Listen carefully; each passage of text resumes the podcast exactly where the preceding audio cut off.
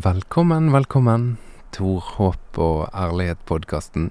Og jeg, jeg vet ikke om du hører det, men jeg kjenner at jeg smiler hele tiden når jeg prater nå.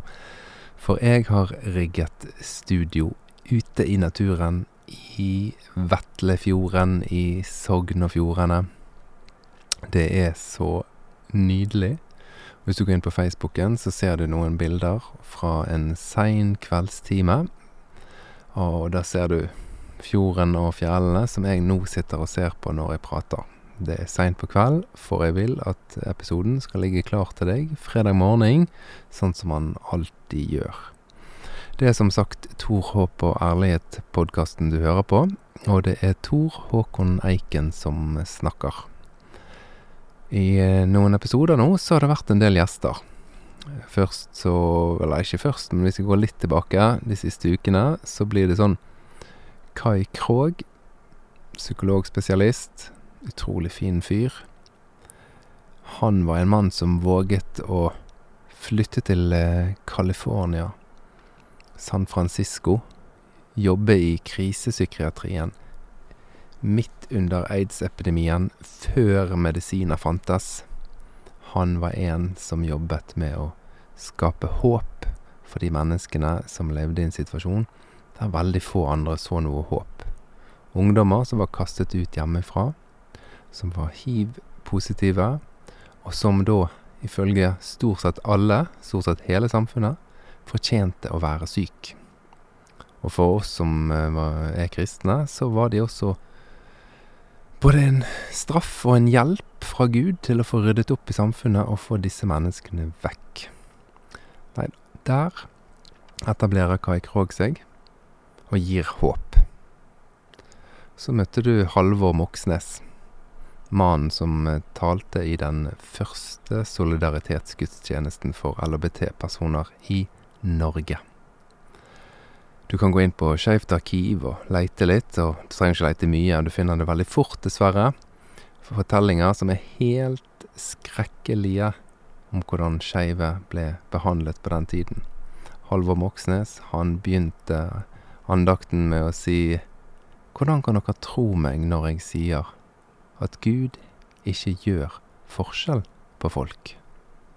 For de som var på denne gudstjenesten, de hadde ikke opplevd noe annet enn at Gud gjør forskjell på folk.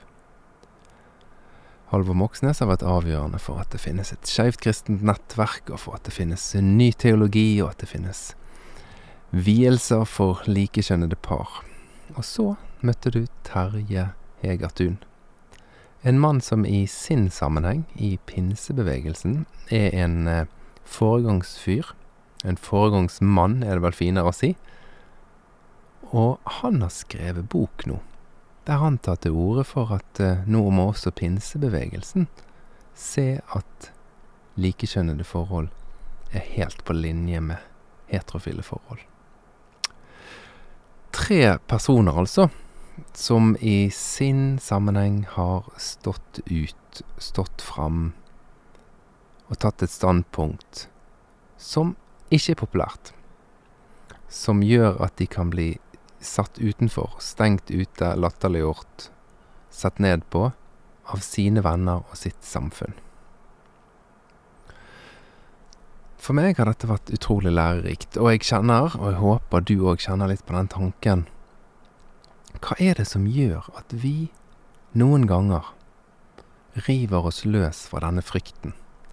Denne frykten som påvirker oss i måten vi oppfører oss mot våre medmennesker. Denne frykten som gjør at du holder dine barn tilbake og hindrer de å leve fullt ut. Noen ganger så river vi oss løs fra den frykten, og da kjenner vi dette er godt. Mens noen ganger så forblir vi i situasjoner vi ikke trives med. Vi utfører og sier ting til mennesker som vi egentlig ikke mener, fordi at vi frykter at det er Jeg vet ikke. Vi frykter i hvert fall Jeg tror ofte at vi, vi som tror på Gud, vi frykter Gud på en sånn måte at vi tenker at Gud blir sint hvis vi ikke gjør sånn og sånn, og så må vi handle mot vår samvittighet som om vi er av en moralsk høyere karakter enn Gud. Ja, jeg skulle ønske Gud var litt greiere. Jeg skulle ønske Gud var litt mer glad i folk. Jeg skulle ønske Gud kunne bruke litt mer fornuft, men det kan han ikke. Så jeg frykter, og derfor så kan jeg dessverre ikke være grei. Jeg hadde et sånn skrekkeksempel på frykt. Eh, det er mange år siden. Men det var en eh, ene barnet vårt som kom hjem fra skolen. Og da hadde læreren hatt et ganske kraftig innlegg i abortdebatten. Og fortalt hvordan denne læreren da forteller om seg sjøl. Hvordan han tok fullstendig avstand fra en nær venninne, og aldri mer snakket med henne fordi at hun hadde tatt abort. Denne venninnen var veldig lei seg, var helt knust, men hadde ikke sett noen annen utvei. Mens denne læreren da forteller dette til elevene sannsynligvis motivert av å vise de alvoret og standpunktet sitt, og Mens jeg tenker jo det der er jo bare frykt. Ta avstand fra et menneske som er i en veldig vanskelig situasjon, som har tatt en beslutning som en syntes var kjempevanskelig å ta, men som en opplevde nødvendig for at livet skulle fungere. En tar av sånne avstander fordi at en er redd. Og i dag skal vi lese en tekst som for meg handler om frykt. Men den handler om mange flere ting. Og det er så spennende med hellige tekster. Nå leser vi en gammel tekst. Den er nesten 2000 år gammel. Og allikevel så er jeg helt overbevist om at når vi leser den, og om du leser den sjøl etterpå, så kommer denne teksten til å si noen ting til deg. Den kommer til å minne deg om situasjoner der du lever nå. Der du gjør valg som du kanskje ikke vil. Eller andre ting. Kanskje teksten minner deg om noen andre ting. Men før vi leser den, så har jeg lyst til å si et par ting. Det er Johannes-evangeliet vi skal lese fra, og det er kapittel 9. Og du vil se når du leser dette evangeliet, at i dette evangeliet finner du grobunn for utrolig mye antisemittisme. Og da er det så viktig å huske på at dette Eller hva si denne, blir det riktig. Denne fortellingen, den er skrevet av helt vanlige mennesker. Og disse helt vanlige menneskene som har skrevet denne her fortellingen om Jesus sitt liv, de levde i ett samfunn. Og de var påvirket av sitt samfunn og sitt bilde av samfunnet. Og så vil du se det at de, forfatteren gjentatte ganger skriver bare 'jødene' når han skal skrive noe stygt om de menneskene som sto opp imot Jesus, og de som hindret Jesus i å gjøre gode gjerninger. Så skriver han bare 'jødene'. Jødene sa, jødene gjorde, Jødene ville da steine Jesus, osv. Og, og det er kanskje ikke så rart at disse versene og disse ordene, det at fiendene til Jesus hele tiden bare blir omtalt som jødene, det er ikke så rart at det har ført til en umåtelig mengde antisemittisme blant oss som er kristne. Vi som er kristne, det er få grupper, jeg tror kanskje ingen, som skylder jødene så mye. Vi har vært så ufattelig slemme med dem. Vi har drept og torturert og stengt ute og ødelagt for jødene i årtusener. Spesielt fra 500-600-tallet og, og helt frem til og med andre verdenskrig har vi vært intense. Mye på grunn av disse tekstene som vi nå skal lese. Og det er klart at hvis du skal tenke at nei, dette er Guds ord, Gud er antisemittistisk, du må frykte Gud, og da må du skade jødene. Helst ta livet av de. Så får du et problem, eller i hvert fall syns jeg du får et problem. Det er noen som vil hevde at nei, det er Guds ord, og jødene er grusomme som folkeslag, og da må vi ta tak i de. Men det blir litt rart å tenke sånn. For hvis du leser litt historie, så skjønner du hvorfor dette har blitt sånn. Alle som, stort sett alle, som eh, fulgte Jesus også etter at han var død og stått opp igjen. Mange tror det. Så var de jøder. Og de så ingen grunn til å trekke seg vekk ifra den jødiske kulturen, den jødiske arven, den jødiske religionen, den jødiske guden. Det var bare det at Jesus han hadde kommet og reddet oss som er jøder. Han hadde kommet og fullført denne loven. Men etter hvert som årene gikk, så skjønte vel veldig mange av de som hadde kommet til tro på Jesus, at det ville ikke skje. De jødiske forsamlingene ville ikke at jøder som hadde kommet til tro på Jesus, skulle være med der lenger. De begynte å bli utstøtt. De begynte vel kanskje å bli kalt for kristne òg, og at de som ble kristne, altså Jesus-etterfølgere, de ble utstøtt av synagogene. Og når vi nå kommer frem til sånn år 110, altså type 80 år etter Jesus, så opplevde nok de kristne seg som en liten minoritet, plaget av jøder. De ble stengt ute av synagogene. De fikk ikke være med i fellesskapet. Og hva skjer når noen opplever seg som en minoritet? Jo, da vil en som regel ha behov for å finne og definere en fiende. Vi blir stengt ute av jødene. Og jeg er jo helt sikker på at hvis forfatteren hadde visst hvilke grusomheter som fulgte av at de bare kalte Jesus sine fiender for jødene, så hadde de aldri gjort det. Men det er ikke lett å skjønne det når du er en minoritet. Og så er det også verdt å merke seg at sånne ord, sånne tanker som blir brukt i disse evangeliene, det var ganske tidlig i den kristne tiden. Men den retningen har fulgt den kristne religionen. Den kristne religionen har definert seg som en minoritet. Som en forfulgt gruppe. Det har vært viktig for kristne å vise at de er underdog og forfulgt. Til og med i alle disse årene som vi kristne har vært majoriteten, gruppen med makt. Så prøver en, prøver vi, å definere oss sjøl som en minoritet. For det har blitt noe av identiteten. Det er litt interessant, det der, hæ? At tanker som er på en plass i en tidlig fase, hvis de ikke blir rettet, hvis de ikke blir korrigert, når du da kommer 2000 år fram, så er du helt på sidelinjen. Det er som et skip der roret står litt skeivt. Litt feil retning. Så kommer du langt ut av kurs hvis du seiler i 2000 år. Og det har vi gjort her. Vi definerer oss fortsatt som en utsatt minoritet. Og utsatte minoriteter, de trenger å definere fiender. Trenger å definere grupper som de er sinte på. Grupper som er imot de. Grupper som de blir undertrykt av.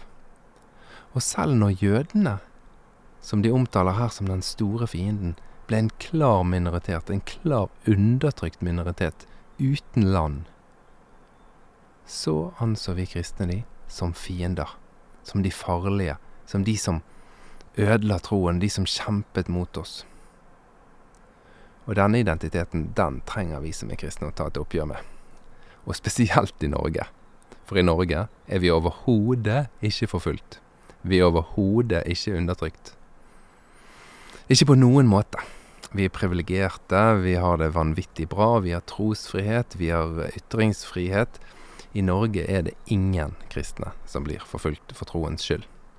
Vi kan kanskje få litt kjeft når vi oppfører oss skikkelig dårlig, men det gjør alle mennesker, heldigvis. Stort sett, i hvert fall. Så blir vi arrestert når vi oppfører oss dårlig, sier forferdelige ting, er nedlatende mot andre grupper. Så blir vi satt på plass. Men det er ikke forfølgelse. Det er normal korrigering. Ok, vi skal lese Johannesevangeliet, kapittel 9. Jeg skal ikke lese hele kapittelet. Jeg skal heller fortelle litt, sånn at vi tar eh, noen sånne Spoler litt frem, og så leser jeg litt, og så forteller jeg litt, så, sånn at det blir litt lettere å henge med. Så kan du lese Johannesevangeliet kapittel 9 etterpå og tenke gjennom hva den hellige teksten sier til deg. Teksten den handler om en helbredelse, et under, et mirakel. Og da vil noen lyttere tenke nei, skal han lese sånne mirakelfortellinger? Det er jo bare tullprat. Det skjedde jo ingen mirakler, dette er bare eventyr. Mens andre vil tenke det er veldig viktig at vi tror at det skjedde akkurat sånn, sånn som det er beskrevet. Og så vil jeg si spiller ingen rolle. Skjedde det sånn, eller skjedde det ikke sånn? Det var ingen der og filmet. Det var ingen der og dokumenterte miraklet. Vi vil aldri kunne finne en legejournal som beviser, eller som motbeviser, eller ja, eller en film, som jeg sa, som sier, viser at dette skjedde. Men det er ikke poenget. Når du leser hellige tekster, som er 2000 år gammel, som er kanskje 3000 år gammel, så er ikke poenget skjedde dette. Var det akkurat sånn? Nei. Et mye bedre spørsmål, det er hvorfor sier forfatterne at dette skjedde? Hvis du leser med det spørsmålet, hvorfor sier forfatterne dette? Hva er det som gjør at denne teksten har blitt en hellig tekst? Hva er det som gjør at disse fortellingene har påvirket og oppmuntret mennesker til gode gjerninger, omsorg, sykehus, skoler, medmenneskelighet, humanisme. Hvorfor kommer det ut av disse fortellingene? Hva er det som rører seg i meg når jeg leser denne fortellingen med et åpent hjerte? Det er en mann som har vært født blind. Jesus møter han, og Jesus sier til han, Gå og vask av deg denne leiren som jeg nå har blandet, spytt og leire, spytt og jord, som jeg har blandet, og smurt på øynene dine. Gå og vask deg i den siloadammen. Og så gjør denne mannen det. Og så, når han har vasket av leiren som Jesus hadde smurt ut på øyelokkene hans, så har han fått synet tilbake. Og da skulle en tro her er det jubel i leiren. En mann, altså da en som er blitt voksen, har blitt født blind, alltid vært blind, men nå ser han. Da er det vel full fest i landsbyen. Men nei, det blir det ikke. For vet dere hva? Det var nemlig helligdag den dagen dette skjedde. Og da forteller historien, da, at jødene ble sinte. Derfor måtte jeg ta det i innledningen. Jødene ble sinte. Men som vi har lært, hvis du har fulgt Tor Håp ærlighet av bl.a. Halvor Moxnes, så var ikke Jesus i opposisjon mot jøder generelt. Jøder generelt likte Jesus. Han var jo ikke en som fant på noe nytt. Tingene han sa, det var jo sannheter som var etablert blant jødene. Nemlig at oppsummeringen av loven, det at du skal elske din neste like høyt som deg sjøl. Det er loven oppsummert. Det, sånne ting var liksom konsensus om.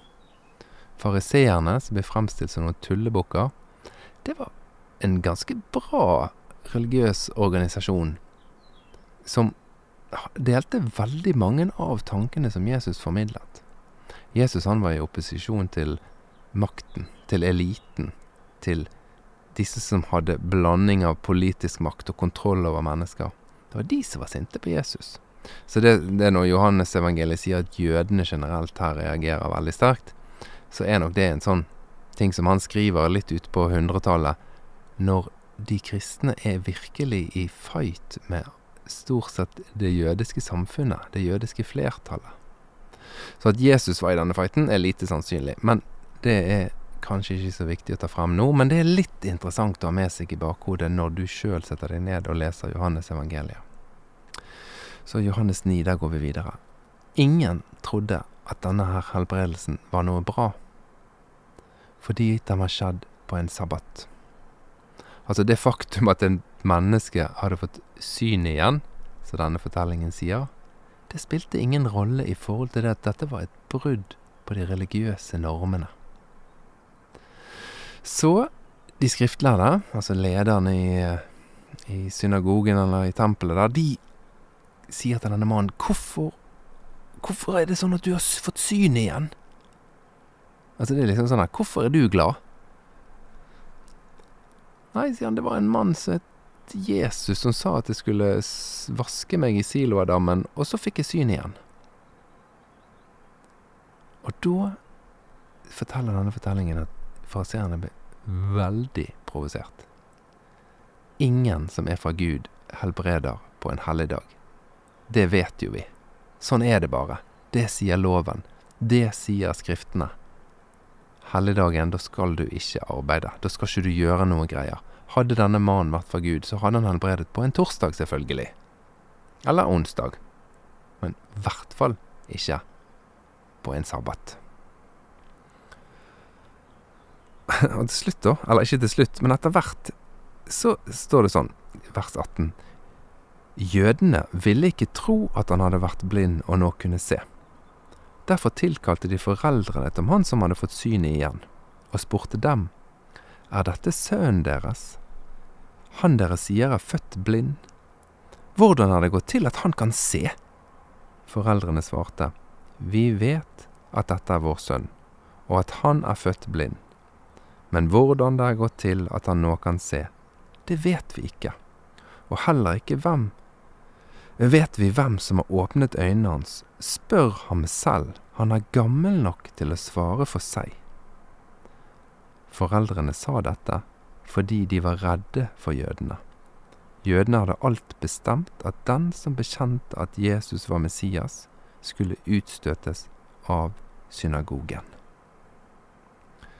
Og nå vet du at eh, jeg aldri har så lyst til å fortelle hva disse evangelietekstene eller bibeltekstene i hele tatt, hva de betyr.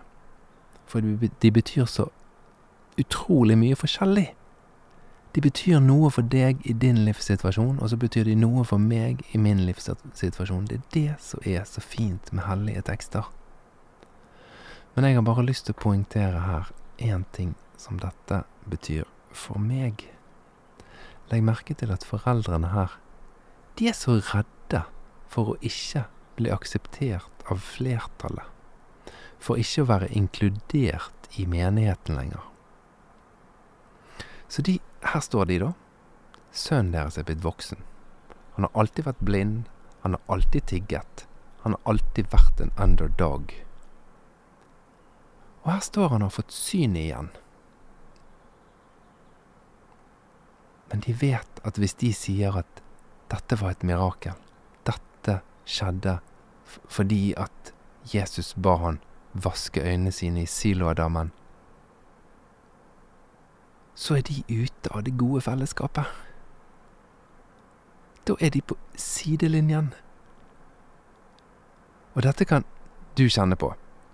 Du som har vokst opp i en familie der for dine foreldre var det veldig viktig å ha høy status og fremstå flott og fin og skjønn og rik. Hva gjorde ikke mamma og pappa for at de skulle beholde sin plass og sin status blant vennekretsen?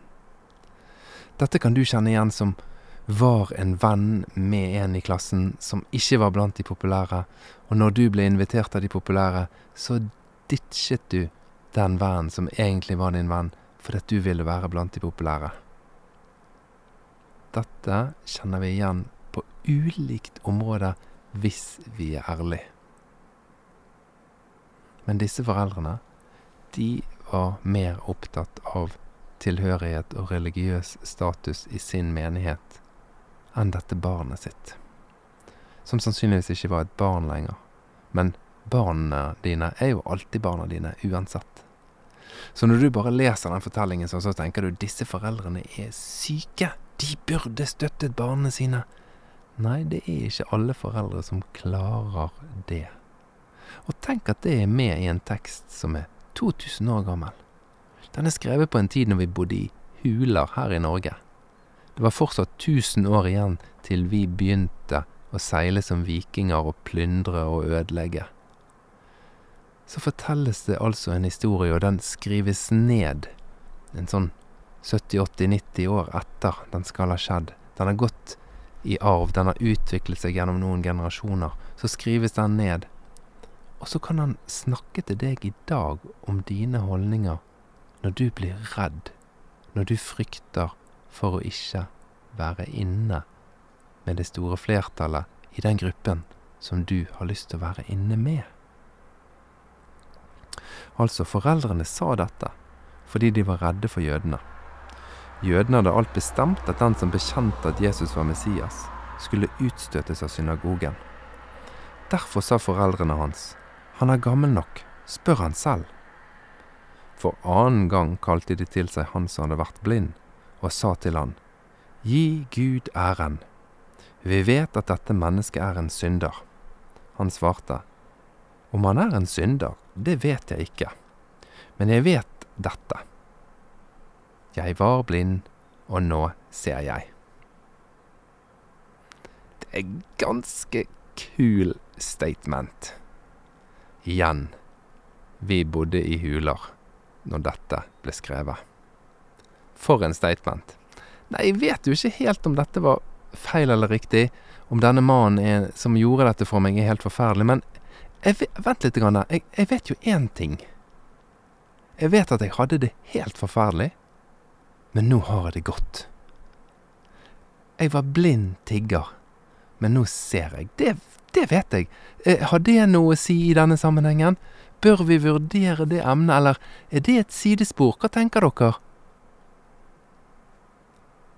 De bare fortsetter. De hører tydelig ikke på dette argumentet om at det har skjedd noe veldig bra. Hva gjorde han med deg? Hvordan åpnet han øynene dine? spurte de. Jeg har jo allerede sagt det, og dere vil ikke høre på meg, sa han. Hvorfor vil dere høre det nå igjen? Vil kanskje dere også bli hans disipler? Denne unge mannen, som alltid har vært utenfor, det var nemlig sånn at de som var blinde, de hadde ikke engang tilgang til tempelet.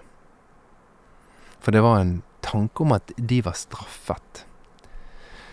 De hadde syndet, de hadde gjort noe feil, så de fortjente å være blind. Eller syk, eller spedalsk. Det var en følge. Så denne her unge mannen som har vokst opp med å føle seg elendig, føle seg under, ikke være inne uansett, da. Han slipper å tenke så grådig mye på det å være inne. Så han kan si til disse lederne ja, Dere spør så grådig mye. Er det fordi at dere også har lyst til å være disipler av Jesus? Men de skjelte han ut og sa, Du er hans disippel. Vi er disipler av Moses. Vi vet at Gud har talt til Moses, men vi vet ikke hvor dette mennesket er fra. Han sa, det er da merkelig at dere ikke vet hvor han er fra, enda han har åpnet øynene mine. Vi vet jo at Gud ikke hører på syndere, men bare på den som er gudfryktig og gjør hans vilje. Så lenge verden har stått, har ingen hørt at noen har åpnet øynene på en som er født blind. Var ikke denne mannen fra Gud, kunne han ikke gjøre noe. Igjen, når en underdog kjenner at en er fri, at en kan like seg sjøl, da mister en heldigvis behovet for å være inne med drittsekkene. Da kan han slappe helt av og bare si dette er noe veldig rart. Det er jo aldri noen andre som har opplevd at noen går fra å ha det helt forferdelig til å ha det kjempebra, og så er det feil. Og de svarer bare, du er født som en synder, tvers igjennom og du vil belære oss, så kastet de han ut. Igjen, når du hører denne fortellingen, når du leser denne fortellingen sjøl, så tror jeg at du tenker på situasjoner, og kan kjenne igjen situasjoner som gjelder deg. Der du har vært underdog, der du har møtt en person som er underdog, og du er drittsekken som trykker på, det er så bra med hellige tekster. Hvis vi tar et steg til siden, fra alt styret og maset og kjøret der vi jobber for å ha mer suksess og være kulere og finere og alt det, tar en liten pause, legger vekk telefonen, og så leser en sånn gammel tekst og tenker hva betyr denne for meg i dag? Ikke tenk at det er Gud som har skrevet den, for det er det ikke. Det er helt vanlige mennesker som har skrevet teksten. Men de har leitet etter det som er Gud. Det som er rett, det som er godt, det som er verd å legge merke til, det som er verd å legge vind på. Og så har denne teksten blitt gitt i arv. Fra generasjon til generasjon til generasjon. Helt fra bronsealder. Ganske tidlig bronsealder. Og nå er mange av fortellingene i de gamle hellige tekstene blitt til. Og vi kan sitte og lese de, og vi kan sitte og tenke på de, og vi kan kjenne på hva betyr dette for oss i dag. Så kan det kanskje gi deg litt sånn oppmuntring. Kanskje litt sånn oppmuntring til å ikke være sånn som disse foreldrene, som ser en som blir tråkket på, og så kjenner du nei, jeg tør ikke å si noe imot denne tråkkingen fordi at disse som trakker, de og de jeg vil ha respekt av. De, jeg vil jo være inne med disse menneskene, jeg vil jo bli likt av de. Kanskje den fortellingen sier noe til deg om en jobbsituasjon, eller nabolagssituasjon, eller en vennesituasjon, der du kanskje må tenke som så at nei, vet du hva, dette mennesket, det backer jeg. Her lar jeg ikke frykten styre.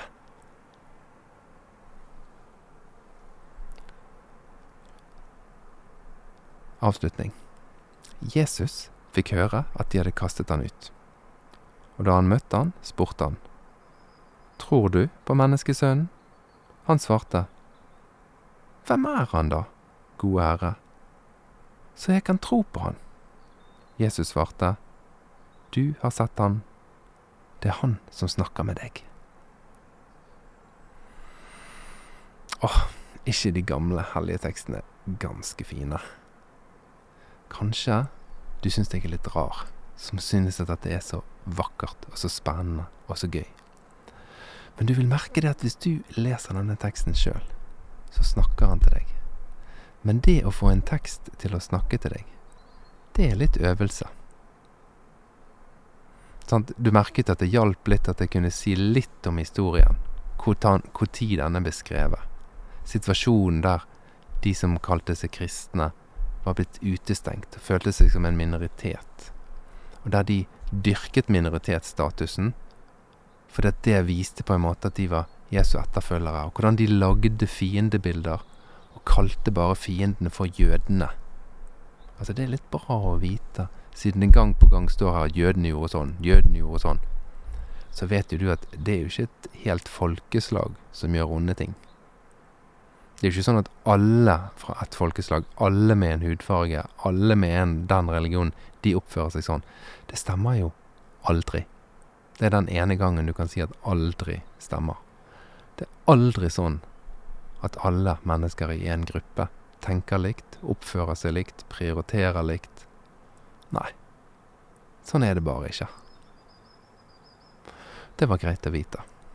Så var det greit å vite sånn cirka når den er blitt nedskrevet. Men derfra så trenger ikke du vite så grådig mye mer. Så kan du lese den som en sånn ren informativ tekst og tenke ja, kan jeg tro det mirakelet, nei, jeg tror ikke på det mirakelet, og så kan du kaste ut fortellingen og tenke da er den uaktuell. Eller så kan du ta et lite sånn steg tilbake. Så leser du liksom hovedrammen på fortellingen. Hva sier denne fortellingen som en sånn helhet? Og så kan du gå ned og så kan du lese ett vers, og så kan du tenke ah, hva sier dette verset til meg? Og så mens du sitter og leser det, så kommer du på Trude. Hun som du var litt kjip med. Hun som du ditchet. Og så kommer du på situasjoner der du kjenner at du ble ditchet.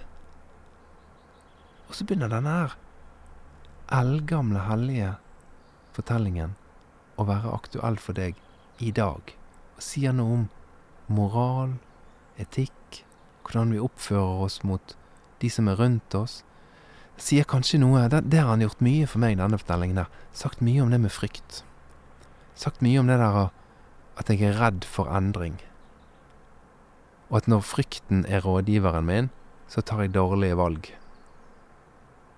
Så kjente jeg at den historien fikk jeg lyst til å lese om igjen etter å ha snakket med Kai Krogh og Halvor Moxnes og Terje Hegertun. Sånne folk som har steppet utenfor sin komfortsone for noen andre.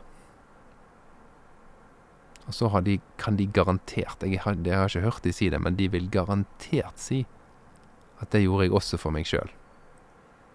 For jeg var nødt til å være tro imot meg, og da kan ikke frykten styre. Sånn som denne her mannen her, som hadde følt seg elendig, men som hadde fått øynene åpnet.